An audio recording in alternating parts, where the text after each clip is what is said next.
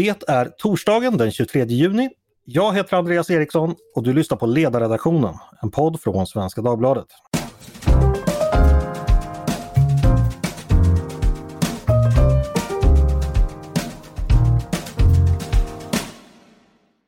Varmt välkomna!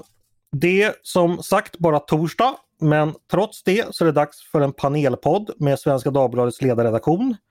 Ty imorgon är det ju midsommarafton och då ägnar sig till och med liberalkonservativa ledarskribenter åt traditionella riter och tar en liten paus från kampen i spalterna. Därför har jag så här dagen före dansardagen samlat ihop mina kollegor för att be dem stoppa tån i nyhetsflödet och skilja rätt från fel, falskt från sant och gott från ont.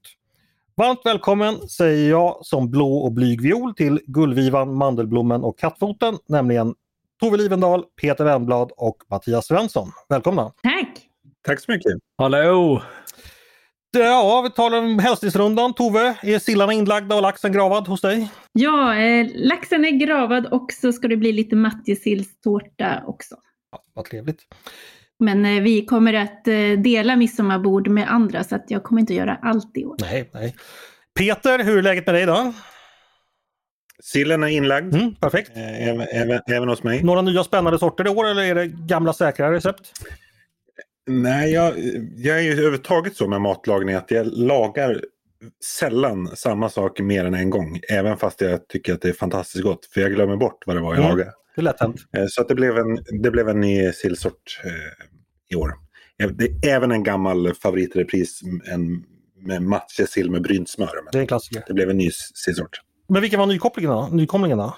Ja, ny, nykomlingen, det, den här gången var det med äpple, selleri och purjolök. Fantastiskt! Det är, det är ju tre ganska närliggande råvaror på sätt och vis tänker man liksom. Men, men ändå intressant. Ja, jag har provs, provsmakat sellerin gav en väldigt trevlig crunch. Och äpplet också, det blev liksom två sorters crunch. Ja, men eh, och äpple och selleri är ju kompisar i Waldorf-salladen också. Så att det finns ju en gemensam historia här också.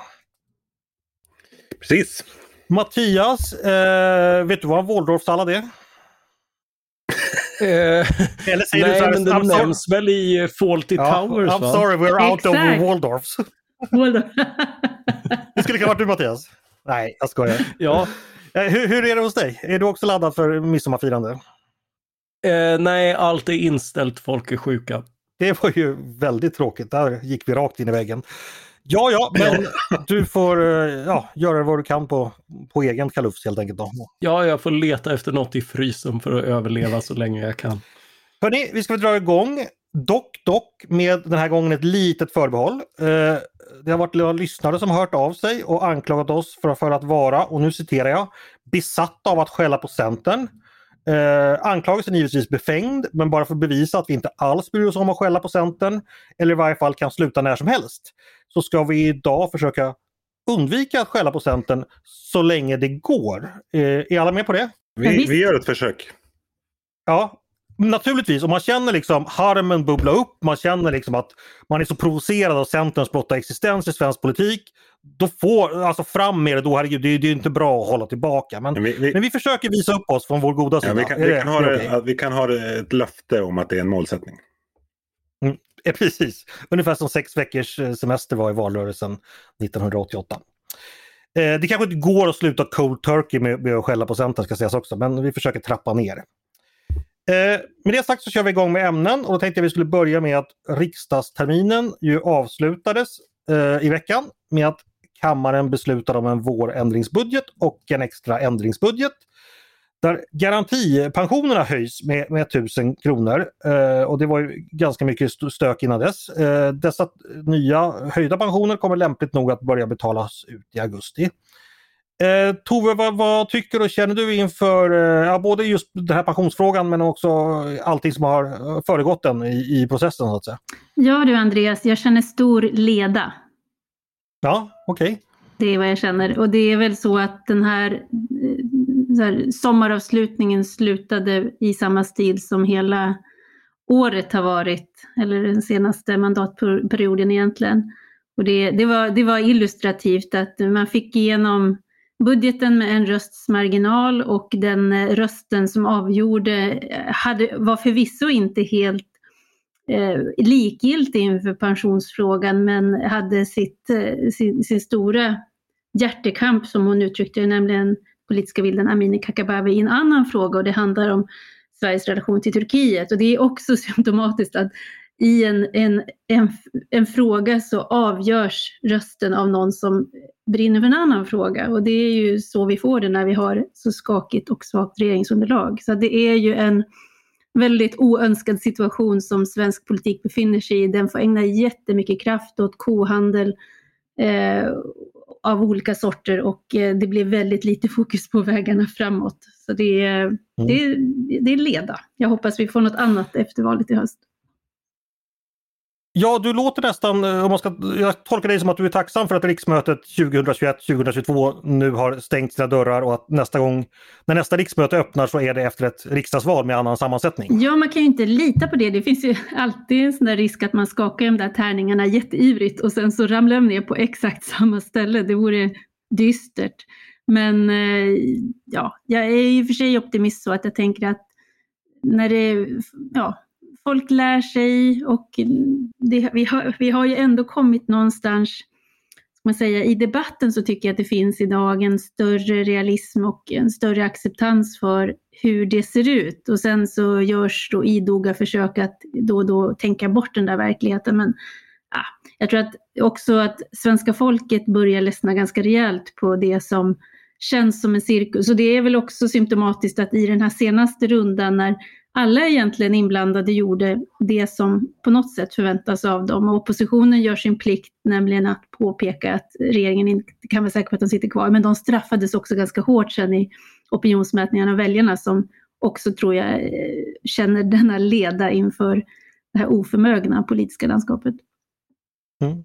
Eh, själva frågan om pensionerna då, har, har du några tankar och åsikter om det? Vi, ja, vi har ju skrivit och talat om det flera gånger. Det är ju, bondaktionen är ju igång inför valrörelsen. Jag tror Mattias är väl den som har skrivit mest utförligt om frågan. Att det, det, det är liksom, nu, är det, nu ska väljarna höstas in. Och då blir mm. de här långsiktiga principerna man använder för att bygga upp system som ska hålla över tid, de kastar man över bord. För nu handlar det bara om att att, så att säga, framställa sig som den mest generösa jultomten. Och det är, det är också sorgligt. Så det, det, är väl, det är väl alltid de här delade känslorna inför valrörelsen, att de kan på ett sätt vara katalysatorer för vissa frågor och, och sådär. Men, men eh, tyvärr så blir ju alla inblandade lite dummare och lite mer kortsiktiga. Och det märks ju också i pensionsfrågan. Vi, vi byter över till Mattias då, eh, angående bondauktioner och pensionerna. Vad har du för tankar om det? Eh, ja, alltså det, det har ju varit en, eh, en vår där man försökt hantera eh, stigande priser när, när inflationen kom till sist. Eh, så så har man ju då försökt att eh, gripa in med, med den här reaktiva politiken och, och på, på, olika sätt kompensera folk för de förändringar som sker i omvärlden, vilket inte nödvändigtvis är speciellt smart i sig. Och det började ju då med att man skulle sänka skatter riktat då för att kompensera för energipriser och för eh, för bensinpriser. Och som inte det var nog så har man sen börjat resonera i termer av att vissa grupper grupper då ska kompensera särskilt för stigande levnadsomkostnader och då pensionärer. Eh, och problemet med ett stort problem med det resonemanget är att alla ser ju att eh, det här är inte på grund av att det är unikt synd om pensionärer, även om det fälls många krokodiltårar från talarstolarna. Eh, pensionärer har haft en eh, genomsnittlig och, och, i några fall till och med god utveckling av, av inkomster visade Finanspolitiska rådet. Utan vad det handlar om är att pensionärer är många och väldigt röstbenägna och alltså vill alla politiska partier tilltala dem och, och det är därför det är eh, det, det, och, och, och, i det syftet så har man då gett sig på principerna för den, den långvariga pensionsuppgörelsen som, eh, som då har sett till att eh, garantera pensioner. Eh, förvisso inte på någon nivå som får någon att, eh, att eh, nödvändigtvis jubla, men å andra sidan ett löfte som politiken kan ställa ut och hålla utan att eh, hela tiden behöva gå till, eh, till statskassan och hämta mer från de som jobbar idag.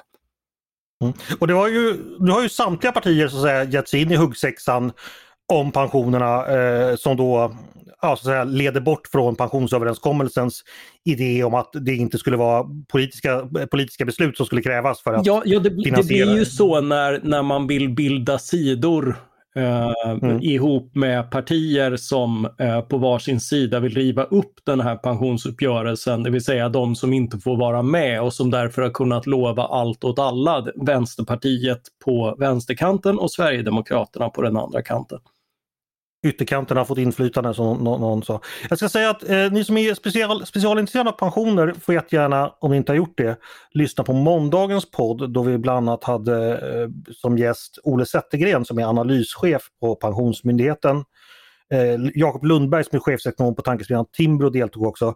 Och då hade vi ett intressant samtal om det här, både om vad garantipensioner och om pensionsuppgörelsen och om vad dagens beslut innebär lite mer detaljerat. Så, så lyssna gärna på det.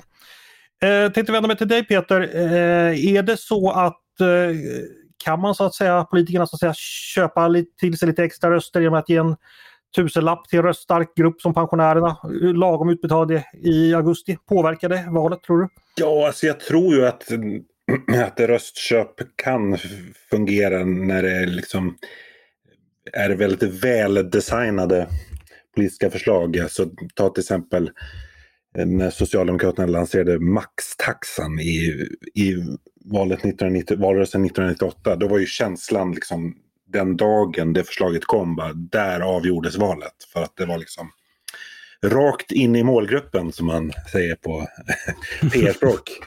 eh, I det här fallet, ja jag vet inte riktigt, jag har inte, jag har inte samma jag har, mer, jag har egen erfarenhet av att vara småbarnsförälder och betala förskoleräkningar men inte av att vara pensionär. Så att jag vet liksom inte hur, med vilken kirurgisk precision det här går in i målgruppen. Ja, det, det är väl ingen som vet det exakt. Det återstår som man brukar säga att se. Eh, Tove, du känner bara leda säger du. Eh, du vill inte prata helt enkelt mer om det här? Eller du vill bara gå vidare? Man försöker glömma det, men nej. Mm. Nej, men det är, väl, det är väl det här att eh, jag, jag, jag, har väl för höga förväntningar. Jag tänker att eh, det har varit så mycket under den här perioden som vi har haft möjlighet att skriva om. Den senaste mandatperioden nu, om jag går tillbaka och tittar på de olika artiklar vi har haft eh, som just har rört svensk inrikespolitik, så har det ju handlat väldigt mycket om eh, dels partiet vi inte får nämna vid namn i den här podden, eh, men framför allt det här, tycker jag, infantila eh, förhållningssättet till väljarna. Att man håller på och fiffilurar och sen tror man inte att väljarna ska se vad man håller på med. Och det har ju handlat både om den här liksom, krim, krumbuktandet kring Sverigedemokraterna, man har varit beroende av att försöka få deras stöd men inte velat erkänna det. Och det är de här ytterkantspartierna som behövs i en ekvation, så som det ser ut. Men, och, och som man då, istället för att säga att ah, det här är inte kul, men vi får förhandla för att försöka få igenom bra politik, så ska man då liksom köra med den här stilen att nej, de kan vi inte prata med och så får man liksom förhandla eh, på ett sätt som gör att man sen kan hävda att man inte alls förhandlade fastän det var det man gjorde. Och den sortens teaterspel tycker jag att väljarna förtjänar bättre än. Det är, vi är liksom myndiga vuxna människor, vi förstår att man inte kan få en ponny varje dag man önskar det och, och politikerna borde ja, förhålla sig mer vuxet tycker jag till den situation som är. För att om de inte ens kan förhålla sig vuxet till hur den parlamentariska verkligheten ser ut i riksdagen, hur ska de då kunna förhålla sig vuxet till alla de problem som vi har att lösa? Mm. Tänker jag. Då tänker jag så här, då ska vi inte förmörka din dag mer med detta ämne, denna den ljusaste av årstider, utan vi, vi går helt enkelt vidare. Dessvärre är nästa ämne också ganska mörkt inser jag precis för att vi ska ju prata eh, den svenska ekonomin och då är det inte no några parader eller trumpetstötar ska jag säga. Eh, vi håller på att gå in i en lågkonjunktur varnar, varnade Konjunkturinstitutet i veckan eh, på grund av den höga inflationen. Eh, så här skriver de Expansiv ekonomisk politik under pandemin, omfattade störningar i de globala värdekedjorna och Rysslands anfallskrig mot Ukraina har skapat en perfekt storm med skenande inflation på många håll i världen. Eh, tänkte vi ska gå till vår makro, makro, makroman framför andra, eh, Mattias. Eh, vad tänker du om det här? Eh, inflationen skenar. Vad, vad tänker politikerna om det? Vad tror du politikerna kommer göra? Vad ska politikerna göra och vad kan politikerna göra? Eh, ja, det är ju det vi ser. Eh, de håller på eh, och agerar under föreställningen att politiken ska och bör hålla på och kompensera för det här med en massa riktade åtgärder mot de priser som förändras. Snarare mm. än att, att, att inse att roll, rollen bör snarare vara den motsatta och, och sitta lugnt i båten och, och låta eh, de, den sortens eh, prischocker faktiskt ha, ha sin verkan och skapa en anpassning i, i, i dynamiska ekonomier. Eh, man, man, kan förvisso agera lite på marginalen när, när eh, det finns ju skatter som skapar hävstångseffekter. När bensinpriset går upp så, så får staten in mycket mer momsintäkter och, och där kan man eh, definitivt korrigera så att det liksom inte blir för mycket. Men, men när saker blir dyrare är det, är det dumt om politiken försöker agera som om de inte blir det. Därför att då, då riskerar vi att få brister och annat istället när folk Eh, konsumerar som tidigare i alla fall. Eh, och, och det är ofta sämre. Eh, så eh, ty, tyvärr så, så är man redan inne på att göra eh, fel, fel saker när det egentligen inte finns så mycket att göra. Eh, sen ska man väl också säga att när, när Konjunkturinstitutet förutspår en lågkonjunktur, då, då är det verkligen illa därför att, eh, därför att det är ju ökänt hur sällan eh, faktiska ras i ekonomin, eh, inklusive väldigt ordentliga, som finanskrisen har förutsetts av olika konjunkturmätar eh, eh, institut. Jag, jag, jag, tror det är väldigt få som har förutsatt. Å andra sidan finns det sådana som jag som har förutspått att det ska rasa sen eh, på grund av penningpolitiska stimulanser i, i en eh, fem, sex år nu i alla fall. Så... Det, det, är inte bara fem, sex år Mattias, det, det är väl åtminstone sen, sen förra finanskrisen har du väl förutspått det? Eh, jag, hade, jag, jag tog det väl lugnt de första åren i alla fall, även om jag såg att krisåtgärderna ganska snabbt blev permanentade så att det inte var bra. Jag skulle säga att du och Andreas Cervenka, ekonomijournalisten, ni är som de där professorerna i Tintin, professorn i Tintin, vet, den mystiska stjärnan. Han som går omkring iklädd ett lakan och slår på en gonggong och varnar för jordens undergång. Uh, ja, jag är inte illa ment nu Mattias, men liksom lite så har det väl... ja, ja, eh, jag, jag, jag hör vad du säger och eh, ja, jag har varit bekymrad för den här penningpolitiken som har blåst upp och, eh, och fortsatt att höja insatserna under, under en hel mandatperiod. Ja, det kommer jag även fortsättningsvis att vara. Ja, ja men såklart, om jag ska vara allvarlig, med all rätt. Eh, man kan säga också om inflation Mattias, det kanske du kan förklara, det är också delvis ett psykologiskt fenomen för det handlar ju också om förväntningar. Nu ja. har vi under en generation inte haft någon inflation och då har ju förväntningarna då kunnat vara att vi, ja, priserna ökar med ungefär 2% per år. Och sådär. Vad är det som händer när inflationsförväntningar börjar komma och det så att säga blir ett självspelande piano? Kan du prata lite om det? Eh, ja, alltså det, det som händer då är ju att vi börjar anpassa oss. Till exempel precis som det har ju talats under många år om att man eh, datorer blir billigare. Du, du får mer och mer för varje gång så att du inte går och köper din, din nya dator för att du vet att väntar du ett halvår så får du för samma pengar en betydligt bättre dator. Mm. Eh, nu, har du, nu har du motsatt problem, alltså att allting kan förväntas bli dyrare så det är, det är viktigt att sätta fart på dina slantar så fort som möjligt. Mm. Eh, och, eh, och, och, köpa någonting handfast och ordentligt idag eh, så, att, eh, så att du har något kvar. För pengarna kommer att vara mindre värda imorgon. Och när vi, när vi får den anpassningen så får man ju en, en helt annan omloppshastighet. Där har vi ju liksom extremerna är ju, är ju kända från historien när, när man liksom under, under Tyskland 1923 eller, eller liksom i, i Venezuela och sånt där liksom sprang ut med sina buntar och, och skottkärror med pengar och köpte liksom nästan vad som helst för att redan mm. på eftermiddagen så, så, så var de värda betydligt mindre. Mm. Precis. Det skapar en störning alltså, säga, i både i konsumtionsmönstret och också avgör konsumtion och sparande. Liksom, vilket är men men det, som, det som framförallt kan hända i också andra är ju att man eh, man förstås helt naturligt när pengar är mindre värda, vi, vi köper mindre, människor känner sig klämda, då vill vi förstås ha högre lön och då Exakt. ökar eh, kostnader för arbetsgivarna och Eh, det här ser vi ju lite grann överallt. Man försöker hålla igen men då leder det istället till brist på arbetskraft, att, eh, att personal strejkar och är missnöjda. Eh, vilket leder till att ett antal tjänster inte blir utförda. Det är kaos på flygplatser och annat. Eh, och, eh, och då får vi istället den typen av, av stopp och fördyringar eh, på, på andra sätt som i många fall stör ekonomin ännu mer. Så, så det här leder till, eh, till liksom hicka och störningar i ekonomins funktionssätt och eh, mer så ju mer man försöker liksom eh, jobba emot det. Mm. Eh, Peter, jag tänker att du får vara, vara Sören Holmberg idag. Eh, vad betyder det att vi går att vi har en lågkonjunktur lurande ja, runt hörnet eller kanske till och med, med över oss när vi går in i valrörelsen efter sommaren?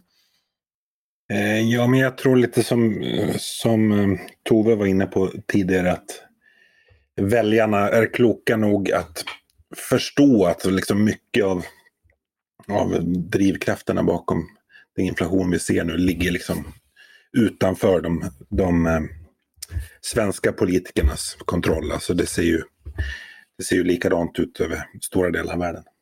Eh, men sen håller jag inte riktigt med Mattias om det här med liksom att det, det nu är en väldigt en så politisk kompensationsdiskussion. Jag tycker faktiskt att den har stannat av lite grann. Alltså, vi såg väldigt mycket av den under hösten och vintern när liksom prisökningarna var koncentrerade till liksom el och bränsle. Men nu när vi har liksom fått ett så brett genomslag för, för inflationen, det är ju liksom allt från ja, kaffe till kläder. Liksom, så, så, så tycker jag att liksom det politiska tryck, det, det politiska momentumet har, har eh, har försvunnit och att det liksom börjar etablera sig kanske en acceptans både i politiken och i väljarkåren för att så här, det, här är, det här är det nya normala för att låna ett pandemibegrepp. Ja, jag tänker väl mer att, att de frågorna ligger kvar eftersom det inte har lösts hur eh, man ska kompensera och sen har det ju då hoppat över till vilka grupper ska kompenseras eh, med, med pensionsutfästelserna. Men så, så, jag tror precis som vi var inne på att den kompensationsdiskussionen nu eftersom inflationen blir så bred då flyttas den från politiken till arbetsmarknadens parter istället. Jag tror att där är det liksom den eh, knäckfrågorna nu. Hur ska det här påverka lönebildningen i Sverige? Finns det tillräckligt med medvetenhet och ansvar där, tror vi då?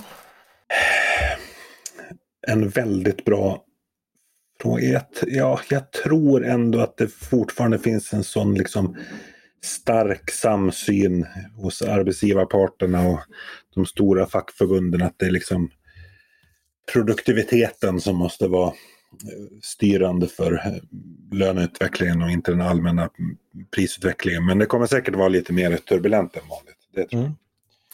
Lågkonjunktur i världen, eller i Sverige, brukar i alla fall båda för borgerlig valseger så det kan vi väl ta på, på plussidan då. Eh, Tove, vad, vad, tänker du om detta? Ja, det, jag har ju inte så stora illusioner om det här med ansvarskännande utan det, jag tänkte på det också att nu när jag har röstat om budget att det, det är också sådär tydligt att att innan, när det föreligger eh, oenigheter om det ska röstas och sådär, då målas det upp som att det är så enormt stora skillnader. Det är ödesmättat om det ena vinner gentemot det andra. Och sen kan alla leva ändå med, med det som blev därför att skillnader i praktiken inte är, är inte så jättestora. Så att jag brukar alltid hoppas på att borgerligheten inför ett val ska orka vara ett, ett ordentligt alternativ till en socialistisk bygge och en socialdemokratisk eh, syn på, på statens roll och sådär. Och sen det brukar ju aldrig riktigt bli så, utan man, man brukar inte vilja chansa att man får med sig väljarna på det.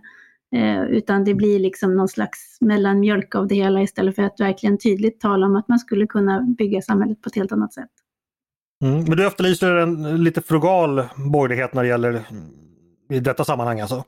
Ja, men det är ju det, är ju det här att man, här, att kunna frigöra sig från, alltså, om, borgerligheten talar ju om det här att samhället ska vara större än staten och att individerna liksom ska kunna av egen kraft både ha ett stort mått av frihet och därmed också kunna ta ett stort mått av ansvar. Och i båda, båda fall så brister det ju, utan då blir det här att nej, men så, kommer det, så blir det skillnader. Eh, och eh, eh som Mattias klokt brukar påpeka, att, Eh, att man ska tala om skillnader just då, klyftor är inte alltid det relevanta namnet, men det är mer medialt gångbart. Därför att människor beter sig på olika sätt och så. Och då blir politiken jättenervös, även borgerliga politiker. Och så kommer de sättande som ska försöka jämna ut allting och säga att nej men vi ska ta hand om alla skillnader som kan uppstå som kan anses vara provocerande. Så att det, där, det har vi sett förut när även borgerliga politiker eh, inte blir så borgerliga när det, när det närmar sig val. Mm. Det är också läge att, påminna om det som Peter skrev om i början av veckan med, med alla investeringar, allt det här tråkiga som vi bara räknar med ska funka eh, år efter år därför att eh, infrastruktur, vattenledningar och liknande, där har det ju skett Eh, decennier av, av underinvesteringar som vi riskerar att få betala för på helt andra sätt. Och jag menar, ju mer eh, ju mer man har ägnat sig åt, åt pandemilöften och annat, desto längre, längre ner i prioritetshögen hamnar den här typen av helt nödvändigt underhåll. Så är det. Den svenska reala kapitalstocken eh, när det gäller vissa saker håller ju på att bli gammal. Den byggdes ju ut till stor del på 60 och 70-talet och har nu uppnått sin tekniska livslängd. Eh, nu har jag faktiskt inte läst vad Peter skrev i tidigare vecka men jag antar det var det som det syftades på. Mm. Precis så. Precis så. Ja, det var ju fortsatt dystert. Eh, jag vet inte riktigt hur vi ska få igång den här midsommarvakan. Riktig midsommarstämning. Ja, vädret vi mot mörkare tider igen. Ja, vi, vi vädret kunna... är i alla fall väldigt bra. Men vi skulle kunna prata om Centern kanske? ja. ja, då lär det bli gammal och glatt och fest i Capernaum som någon sa. Nej, alltså vi får gå vidare till Peter och eh, då tänkte jag vi skulle prata, prata kraft. Eh, kraftpaket faktiskt. Mm. Eh, för att regeringen har ju varit Eh, de har ju, det finns ju en, energiminister som anses vara ett kraftpaket kanske, det vet jag inte. Men, men eh, det, det har i alla fall förekommit kraftigt spel i veckan. Romeo i rosa tanga i alla fall. Precis. Där fick Uggla-fansen sin lilla Easter egg. Eh, Peter, berätta, vad är, det du, vad är det som har hänt i veckan på den fronten? Eh, nej, det var då energiministern, herr Farmanbar och eh, klimat och miljöministern. Fru Strandell höll jag på att säga, men det är väl fröken Strandell som eh, presenterade ett kraftpaket för mm. mer billig el i hela landet. Eh, men det där kraftpaketet var väl kanske mer omslagspapper än eh, innehåll. Det var ganska mycket ja, om, ompaketering av redan presenterade saker. Men det kanske liksom det som har fått mest medial uppmärksamhet och som kanske har varit mest intressant är ju att det börjar röra på sig i socialdemokratin när det gäller kärnkraften. Mm. Vilket det måste göra, antar jag. Ja, alltså de, ja, tidigare har de ju varit mycket bakbundna av liksom, Miljöpartiet. Eh, och så är det som att det har, har levt kvar under ett antal månader att man ska vara kategoriskt mot eh, kärnkraft. Men att eh, jag tror att poletten börjar liksom trilla ner. Att eh, mm. Sverige, oavsett vad man tycker om olika kraftslag eller här, Sverige måste ha mer planerbar kraft som det heter. Det är liksom ett fysikaliskt faktum. Det är inte något man behöver träta om politiskt. Eh, och då är det i, liksom inte så mycket annat än eh, ny kärnkraft eller att behåll, förlänga livslängden på den kärnkraft vi har som står till buds. Annars är det liksom bygga ut Norrlandsälvarna eller elda med flis. Liksom. Mm. Nu är det ju så säreget, jag tänker på socialdemokratin och kärnkraften, att standardargumentet från Socialdemokraterna har ju varit att det är marknaden som har stängt kärnkraftverken och vi lyssnar på marknaden. Är vi inte duktiga marknadsliberaler? Eh, vill ni vara socialister och bygga kärnkraft? Peter, du har säkert hört Ja, nu, nu skämtar jag. Nu, nu, ja, men, absolut. Jo, men, men, men, men, vad ger du för det resonemanget? Eller vad tänker Nej, du? inte särskilt mycket. Alltså, alla marknader verkar ju vad säga, inom det eh, på den spelplan som man ger den. Eh, och i det här fallet så har ju kärnkraften, ja, det, det här är ganska komplicerat med juridik och skattepolitik och sånt där men, men eh, kärnkraften har ju liksom motarbetats av, det, av skattepolitiken och det juridiska regelverket. Mm. Så att det, ja, det är ju fortfarande, sen så är jag liksom inte säker på att, att det det är, så marknaden har, oavsett om man, man ser en möjlig lönsamhet med kärnkraften, så marknaden hatar ju osäkerhet.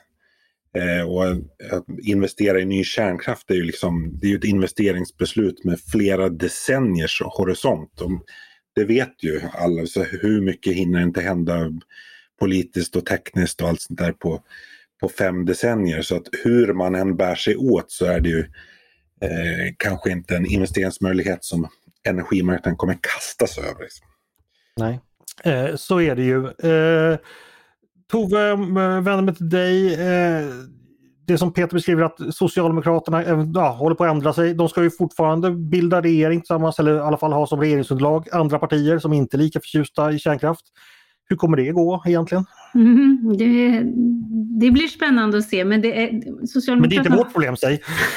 jo, men det blir, det blir vårt problem förstås. Det, det, det kan ju vårt... bli vårt problem. Ja, men det är ju så och dessvärre är det ju så att får vi en, en pajig och, ytterligare en pajig och svag regering så får vi ju alla lida för det. Så det, det, är ju det, finns, det är ingenting att önska efter så. Men det är ju en, eh, dels är det ju, det är ju det är bra om Socialdemokraterna håller på att tänka om, vilket de har haft enklare att göra i de här frågorna utan Miljöpartiet som barlast. Eh, Eh, och det har ju varit, men här har det ju funnits inom Socialdemokraterna också ganska stora interna, eh, som, det har varit inbördeskrig som har gått under radarn mellan de här som förstår värdet av att eh, svensk basindustri har förutsättningar som går att leva med till de som har förklarat att är man för kärnkraft kan man inte vara en riktig socialdemokrat. Och det har förekommit sådana ordväxlingar. Eh, och det är, det är klart att i längden så är det väl, de positionerna är oförenliga och det är en tillräckligt stor fråga för att det inte ska gå att sopa under mattan och säga att det är en marginalfråga, utan det handlar ju väldigt mycket om, om liksom vilken typ av land Sverige ska vara och vilka förutsättningar som ska finnas för mm. för företagande här. Så att det, är ju, det är intressant och sen finns det ju avskräckande exempel. Tänker vi Anna-Charlotta Johansson som ju tidigare medarbetare på ledarredaktionen, hon som bor i Sydafrika, kan ju, har ju beskrivit där vad, vad, som, vad, vad elbristen kan leda till. Nämligen, där har vi något som kallas för load shedding som innebär att man stänger av elen under några timmar eh, per dag för att man måste hushålla med den och det får ju såna enorma konsekvenser i vad landet klarar av. Det har ju blivit dessutom skapat enorm social oro så att jag tror att det, det, finns, det finns exempel som man kan titta på vad som händer när vi inte har tillgång till de här basförnödenheterna vi förväntar oss att ha. Eh, jag tänker så här, Socialdemokraterna vill ju för allt i världen inte ha det här som en konfliktfråga. Man vill eh, ha en bred uppgörelse, det var det man pratade om i veckan. Eller man vill, ja, man vill i alla fall inte att eh, det, det, ska bli strid utan man, man, vill, man vill döda frågan helt enkelt. Peter, mm. Peter tror du man kommer lyckas med det? Nej, det, det det, eh, tror jag faktiskt inte att man eh, kommer göra eftersom det är så eh, uppenbart, inte bara för liksom, oppositionen utan för, även för väljarna att vad säga, det här är det här är ett utspel som Socialdemokraterna kunde göra nu när de sitter i, i, i ensam regeringsställning, men det kommer de inte att göra efter valet. Om de ska bilda regering så kommer det att vara med Miljöpartiet i Rosenbad eller Miljöpartiet som samarbetsparti. Och då, det är ju därför, det är det Socialdemokraterna försöker runda nu genom att vilja ha breda energipolitiska samtal. Det ska man ju tolka som att säga, hjälp, hjälp oss att slippa prata med Miljöpartiet. Men det betet tog inte Moderaterna. Nej, de, de är lite klokare än så. Men med det sagt så tycker jag Alltså det här är en för viktig fråga för att eh, så jag, tyck, jag tycker nog att Moderaterna ska, alltså om det skulle olyckligtvis skulle bli så att vi får en ny eh, röd eller rödgrön regering, att eh, Moderaterna, det här är för viktigt för att inte, energipolitiken är för viktig för att inte göra det bästa möjliga. Och jag tror att borgerligheten har ett ganska bra förhandlingsläge också. Mm. Eh, Mattias, vill du eh, avrunda det här ämnet med kraftpaket? Du, hur rimmar förresten Magnus Uggla på kraftpaket? Det kanske du kan berätta om? Ja, det leder ju inte till två hål i, hål i väggen utan tankarna till ett annat hål, om vi säger så. Men det är ett bra rim? Ja, det är ett jättebra rim. Mm. Magnus Uggla förresten, Mattias, har du varit en... Uh, ja, har du lyssnat på honom mycket? Eh, jo, men han, eh, det, det är ju eh, bra partymusik. Mm. Några favoritlåtar? Eh, ja, alltså de, de tidiga plattorna är ju, eh, just nu kommer jag bara inte på någon bara för det, men typ... ja, kanske, kanske inte så långt tillbaka, men, men just li, lite de här punkiga som uh, hatade dörrvakter och sånt där. Det var, det var kul. Ja, han har ju även gjort en uh, låt om den dag vi befinner oss på idag. Kung i baren handlar ju om lönedag. Just det, det stämmer. Löne, det är också lövmarknaden. Är det det? Och det är något väldigt... Ja, det är något väldigt blekingskt det där. Vad ägnar ni åt? Lövar ni varandra eller? Ja, alltså eh, det är helt enkelt en marknad i Karlskrona. Mm. Eh, där Pappa, Löv, är hon, pappa gäst, hade gård och skrev där till folk. Fick du inte stånd på marknaden, dra ej vidare till knallar som ville kunna sälja. Men gud. Fantastiskt. Ja. Och alltså, nu hade vi då till och med centerförbud, men du drog ändå in en jävla lövmarknad här. Alltså. Ändå kom Centerpartiet in i bilden. Ja. ja precis.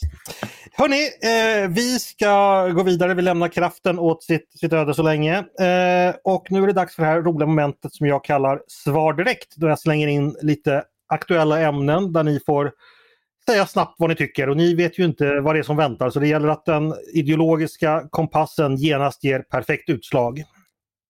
Eh, jag tror det kommer göra det på den första faktiskt, för den är ganska enkel. Det är så här att eh, Liberalerna vill förbjuda konfessionella skolor eh, med undantag för judiska skolor som kommer finnas kvar i egenskap av skolor för nationella minoriteter.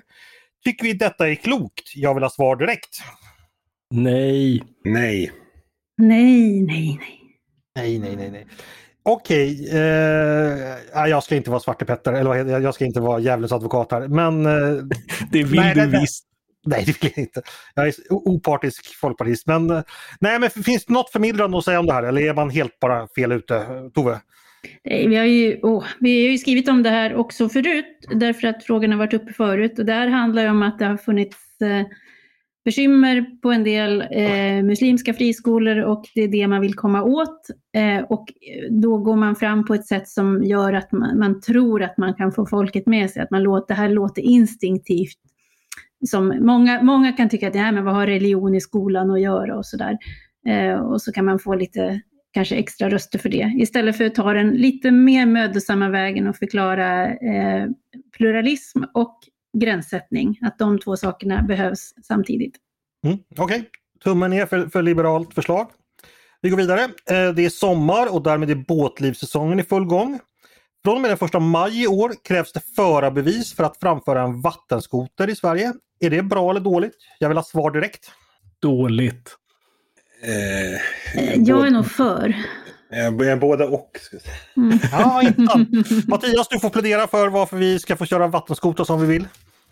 Eh, ja, alltså det, det, är klart att man inte ska få köra vattenskoter så att man kör, eh, stör och förstör för andra och det är ju det som har för, eh, för, föranlett lagen misstänker jag. Men eh, då gör man liksom ännu en sak till liksom licensberättigad och sådär. Det är en massa saker på, på senare år som, som är det. Och jag, jag undrar liksom, all, alla de här nya licenserna och sådär för att man ska få göra också de mest harmlösa saker gör ju liksom folk till undersåtar som måste be om tillstånd för allting. Och jag tycker att det är en olycklig utveckling. Det är, det är ett sånt här slappt svar på på liksom problem som förvisso ska, ska erkännas men det är ju bättre att gå åt dem som missköter sig än att straffa alla.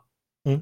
Jag tycker du ska ta på dig en sån här stor pälsmössa och säga jävla förmyndarmentalitet som eh, han i Sällskapsresan gjorde. För det, det, är ju sammanfattningsvis vad, vad, du, vad du säger. Men Tove håller inte med. Varför, varför är det med föra bevis? Nej, men jag tycker att den, jag har väldigt stor sympati för Mattias instinktiva eh, resonemang och eh, jag, jag, uttrycker mig lika, lite så här svävande eftersom jag inte riktigt har tänkt färdigt. Men det är väl just det att, precis som Mattias är inne på, att skälet till att det här kommer fram är ju att det har varit då bekymmer, att det förmodligen också är i kombination med stort eh, ja, med, med alkoholintag och så som gör att det kan bli mycket olyckor och tragedier och utsättande för både egen och andra fara. Och det, det är ju det är trixigt kring de här sakerna därför att de flesta kör ju bil eh, på mm. ett eh, omdömesgillt sätt och skulle inte behöva kanske ett förarbevis förutom att de har tagit en, fått liksom, ja, någon form av de, har, de skulle kunna föra sig fram utan att ha eh, förnyade bevis. Men ja, jag, jag, är, jag är kluven. Jag blir ja, folkpartist i den här frågan. Peter, du visste inte. Har någon av Mattias eller Toves pläderingar övertygat dig? Ja, jag, Mattias eh, övertygade mig eh, ja. faktiskt. Och, och, att jag sa både och. Jag tänkte mig så att föra bevis med tanke på vilka det är som brukar köra vattenskoter tänkte jag mer att det skulle vara intelligenstesten. Är det Strandens Romeo som kör eh, vattenskoter Kanske det är det så. Eh, hörni, nästa svar direkt är så här att riksdagen har beslutat att anonyma kontantkort till mobiltelefoner, eh, de ska bort. Nu införs en registreringsskyldighet för att kunna knyta ett kort till en viss person och bakgrunden är förstås då att anonyma kontantkort ofta används för brottslig verksamhet. Vad tycker vi om detta? Är det rätt eller fel? Jag vill ha svar direkt. Rätt. Tveksam. Fel. Ah, Okej, okay. då får Peter börja för det här är, är, det bästa sen färdigskivat bröd. Nej, ingen aning, men du, du tvingar mig att svara. Ja. um, nej, men alltså jag, för, det är väl lite, det här är väl en variant på den förra frågan. Alltså jag förstår ju vad som föranleder det här. Mm. Uh, och så här, jag, ärligt talat som vanlig män, om man inte är yrkeskriminell, jag vet inte ens var köper man ett kontant... Alltså jag visste inte ens att det fanns. Nej.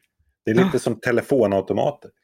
Vi frågar Mattias som kör med mycket anonyma kontantkort. Eh, vad, vad, vad, använder du det till för skumma saker egentligen? 071-nummer. 071-nummer ja. ja.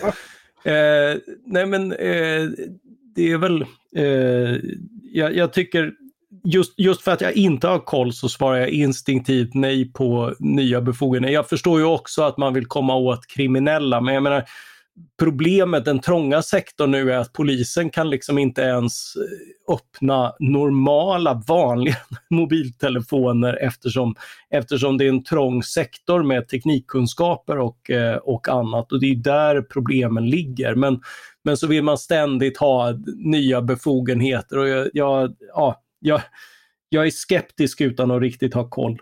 Mm. Eh, Okej okay, Tove, nu fick du höra pläderingar åt båda håll här. Var landar du? Eh, nej men jag tror nog att det är lite vanskligt att eh, fatta beslut om det här. Jag tänker, eh, det finns ju personer tror jag som har behov av att kunna skaffa eh, kontantkort och som använder det i syften som vi tycker är väldigt rimliga. Personer som lever med hotbilder och behöver kunna kommunicera vi har enligt uppskattningar en kvarts miljon barn och unga som lever under hedersförtryck. Eh, mm. och möjligheten för dem att kanske kunna eh, enklare kommunicera eh, med, med det samhälle som inte är stängt för dem. Ursäkta att avbryta, det här är ju inte något krav på att alla ska stå i telefonkatalogen tror jag, utan det är väl bara att man ska nej, nej. registreras hos bolaget så att säga, liksom, så att det finns ifall polisen vill titta vidare. Så att säga. Ja, ah, jag vet inte. Jag är tveksam. Ja, du är skeptisk som någon sa. Eh, vi tar den sista. Eh, regeringen har tillsatt en utredning som ska utreda språk och samhällskunskapskrav för permanenta uppehållstillstånd. Alltså inte för medborgarskap utan för att få permanent uppehållstillstånd i Sverige ska man då eh, kunna språket och eh, ja, lite om samhället. Eh, vad tycker vi om detta? Är det bra eller dåligt? Jag vill ha svar direkt. Dåligt. Tveksam. Peter? Ja. Hade ni hört om det här? Ja. Ja, det här har, jag, ble, jag tänkte mest så här, har det här fortfarande inte införts? Jag tycker det har liksom diskuterats i två decennier. Ja, men det är ju medborgarskap det har diskuterats om. Det här är ju för permanenta uppehållstillstånd, vilket är en annan sak. Jaha, nu, ja men då ser jag dåligt. Ja, okej, då, då föll, det, då föll Ja. polletten ner. Mm. Eh, nej, för det är ju en annan sak för att medborgarskap då, då tänker man väl att då ska man ju delta i ett samhälle och då finns det ju fog för att säga att då ska man kunna språket i det samhället. Permanent uppehållstillstånd, det kan ju vara att man befinner sig i exil och inte har för, man vill egentligen bara hem men måste förvara sig själv i Sverige Mm. tillfälligtvis för att det är så. så Okej, det, var- det, var- det var en vi tyckte vi inte om. Det är som sagt en utredning som ska tillsättas så det är inte något beslut fattat än. Men hörni, det här med, med eh, samhällskunskapskrav för uppehållstillstånd leder ju osökt tanken till samhällskunskapskrav för att befinna sig på en ledarredaktion. Och jag tycker det är hög tid att utvärdera den lite. Eh, så det har alltså blivit dags för det roliga moment som vi kallar Är du smartare än en ledarskribent? Där vi testar våra paneldeltagare med lite allmänbildningsfrågor för att se om de ska ha uppehållstillstånd på ledarredaktionen i framtiden. Eh, och, och, och ni där hemma kan Om, förstås om det ska vara tillfälligt eller permanent. Ja. Tillfälligt eller permanent. Eh, vad säger ni om det? det? Det låter trevligt? Oh, ja. Oh, ja. Taggade till tusen. Eh, midsommar är förstås temat för dagens eh, frågor. Och då börjar vi förstås med den svenska politikens kanske mest kända midsommarprefix, nämligen midsommarkrisen 1941. Eh, ni kanske känner till bakgrunden, de tyska kraven på att transitera en division från Norge till Finland i samband med inledningen av operation Barbarossa när Tyskland då anföll Sovjet. Regeringen med Per Albin Hansson i spetsen sa ju till slut ja till den begäran. Eh, här har jag två frågor. Den första eh, handlar om en skådespelare. För den här krisen har ju också blivit föremål för en känd tv-film som heter Fyra dagar som skakade Sverige av Hans Villius. Men vem spelade Per Albin Hansson i den filmen? Det är bara du som kan sånt, Andreas. ja. Jag, jag, jag, jag ringer en livlina. Jag ringer Andreas Eriksson. Jo, men jag, jag, har, jag, har, jag har någon, någon svar. Jag- Får jag gissa? Eh, ja, du får ingen minuspoäng den här gången. Nu var det så svårt så att du får gissa. Är det Ernst-Hugo Järegård? Snyggt Peter! Snyggt! Ja. Ett, ett poäng. Ni, ni kan väl tänka er honom som en, den här skånska eh, Per Albin Hansson, liksom hur han förde sig. Ja, eh, jättebra. Andra frågan på, på samma tema, eh, också svår, eh, men det är nämligen så att vad var den här divisionen, vad hade den för namn? Den här militära divisionen. Och, och den hade kan man säga ett namn med viss bäring för svensk historia. Också. Åh, nu, först tänkte jag Nordlandedivisionen, men det är det ju inte. Nej men det fanns väl en sån, men det tror jag var en SS-division. Det här Ja, är en, precis. en Wehrmacht, van, vanlig armédivision. Mm. Jag vet, men det är för att jag googlade. Du Eh, Tove får minus 10 poäng och, och eh, Vad får jag för min ärlighet då? ja, du får plus 10 poäng så du får ta plus minus 0. Mattias, ha, har du något på känn här eller ska jag avslöja svaret? Ja, alltså en gång i livet så läste jag ju Hans Alfredssons bok där det säkert nämns, men ja. Nej, svaret är då Engelbrekt. Hette, Ja, hette förstås. Ja. Eh, vi går vidare. Eh, huruvida vi firade midsommar i förkristen tid är oklart trots alla myter och roliga historier om fruktbarhetsdans kring fallossymboler. Men midsommar är från början faktiskt, eh, det, vad vi vet, det vi vet i alla fall, en kyrklig högtid tillägnad en speciell biblisk person. Vem? Eh, biblisk person. Jag känner du uppehållstillståndet håller på att för, Ja. upp i blir rök. inga uppehållstillstånd. vi blir stoppade vid gränsen. Eh, en ledtråd är att den här personen föddes eh, den här dagen eh, ett halvår före Jesus. Ja, Peter. Johannes döparen. Peter. Ja, men vad fan. Ja, Johannes döparen var det ju jag skulle säga. Ja, men Mattias tog hem poängen där. Så då st- står det 1-1 mellan Peter och eh, Mattias. Vi fortsätter. Eh, traditionellt midsommarfirande, lite mer traditionellt sådant, nämligen Anders Zorns berömda målning Midsommardans från 1897. Som visar dans i midsommarnatten i, i Dalarna. Men vilken dans är det som dansas av paren på tavlan? Ja, jag tar en, eh, en Peter. Ja. Schottis. Nej, det är det inte. Nej. Det är det inte. Eh, vad finns det? Tove? Ja. Polka? Eh, ja, det är nästan rätt. Det är polska. Okej. Snyggt Tove, då, står det 1-1 eh, helt enkelt. Eh, gå vidare. Eh, midsommarafton 1986 i Sverige gick i moll då landet skakades av mordet på den 21-åriga Ronny Landin som misshandlades ihjäl av skinheads på Nixtabadet. En av de dömda skulle sedan bli ledande inom, ledande inom den svenska vit maktrörelsen. Dådet räknas ofta som en första i en lång rad våldsdåd med högerextremt motiv. Men i vilken stad ligger Nixtabadet? Är det här bekant händelsen? Ni minns den kanske? Svagt faktiskt. Nej, inte alls faktiskt. Vad tolv? Eh, Ledtråden kan jag säga att både Tove och Peter passerar denna stad ganska eh, frekvent av, nödvändighet.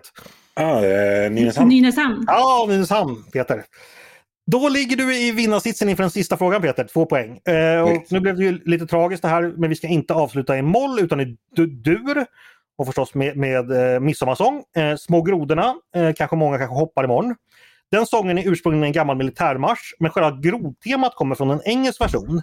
Men vilka är då grodorna som åsyftas i den engelska versionen? Det är Peter. Ni. Ja, Tove? Ransmännen. ja, absolut! Snyggt Peter! Det, det var ju för fan en sån här Bruno Wintzell-fråga. Vadå Bruno Wintzell-fråga? Ja, men en sån där som alla kan. Ligger Tyskland norr om Österrike? Nu får du klä av dig kläderna, är det det du tänker på? eh, ja, men det var, jag det var ju för svåra frågor först, så det var väl roligt att det Ja. kom en lätt fråga också. Ni, vis, ni visste inte det här om små grodorna och att det var en engelsk nidvisa? Jo då, Du visste det? Okej. det visste till och med jag. Ja, okej.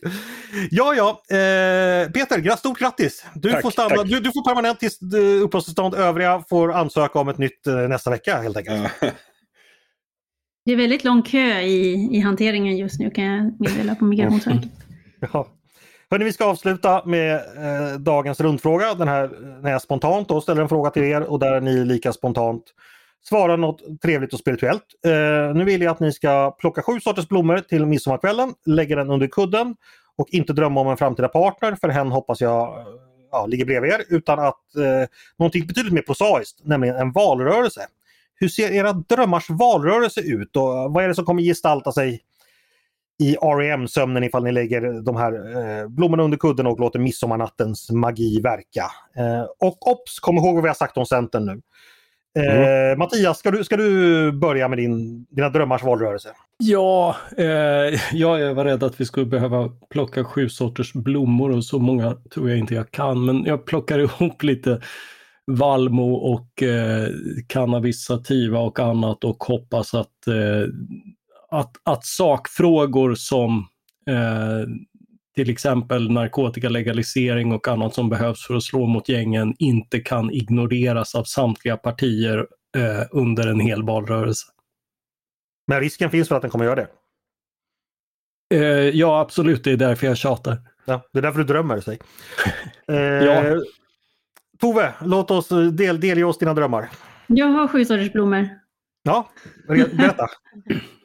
Ett, Blå klocka. Jag vill ha en liberalt färgad valrörelse. Två, Vitklövern. Förståelse för tillväxtens betydelse för samhällsutveckling.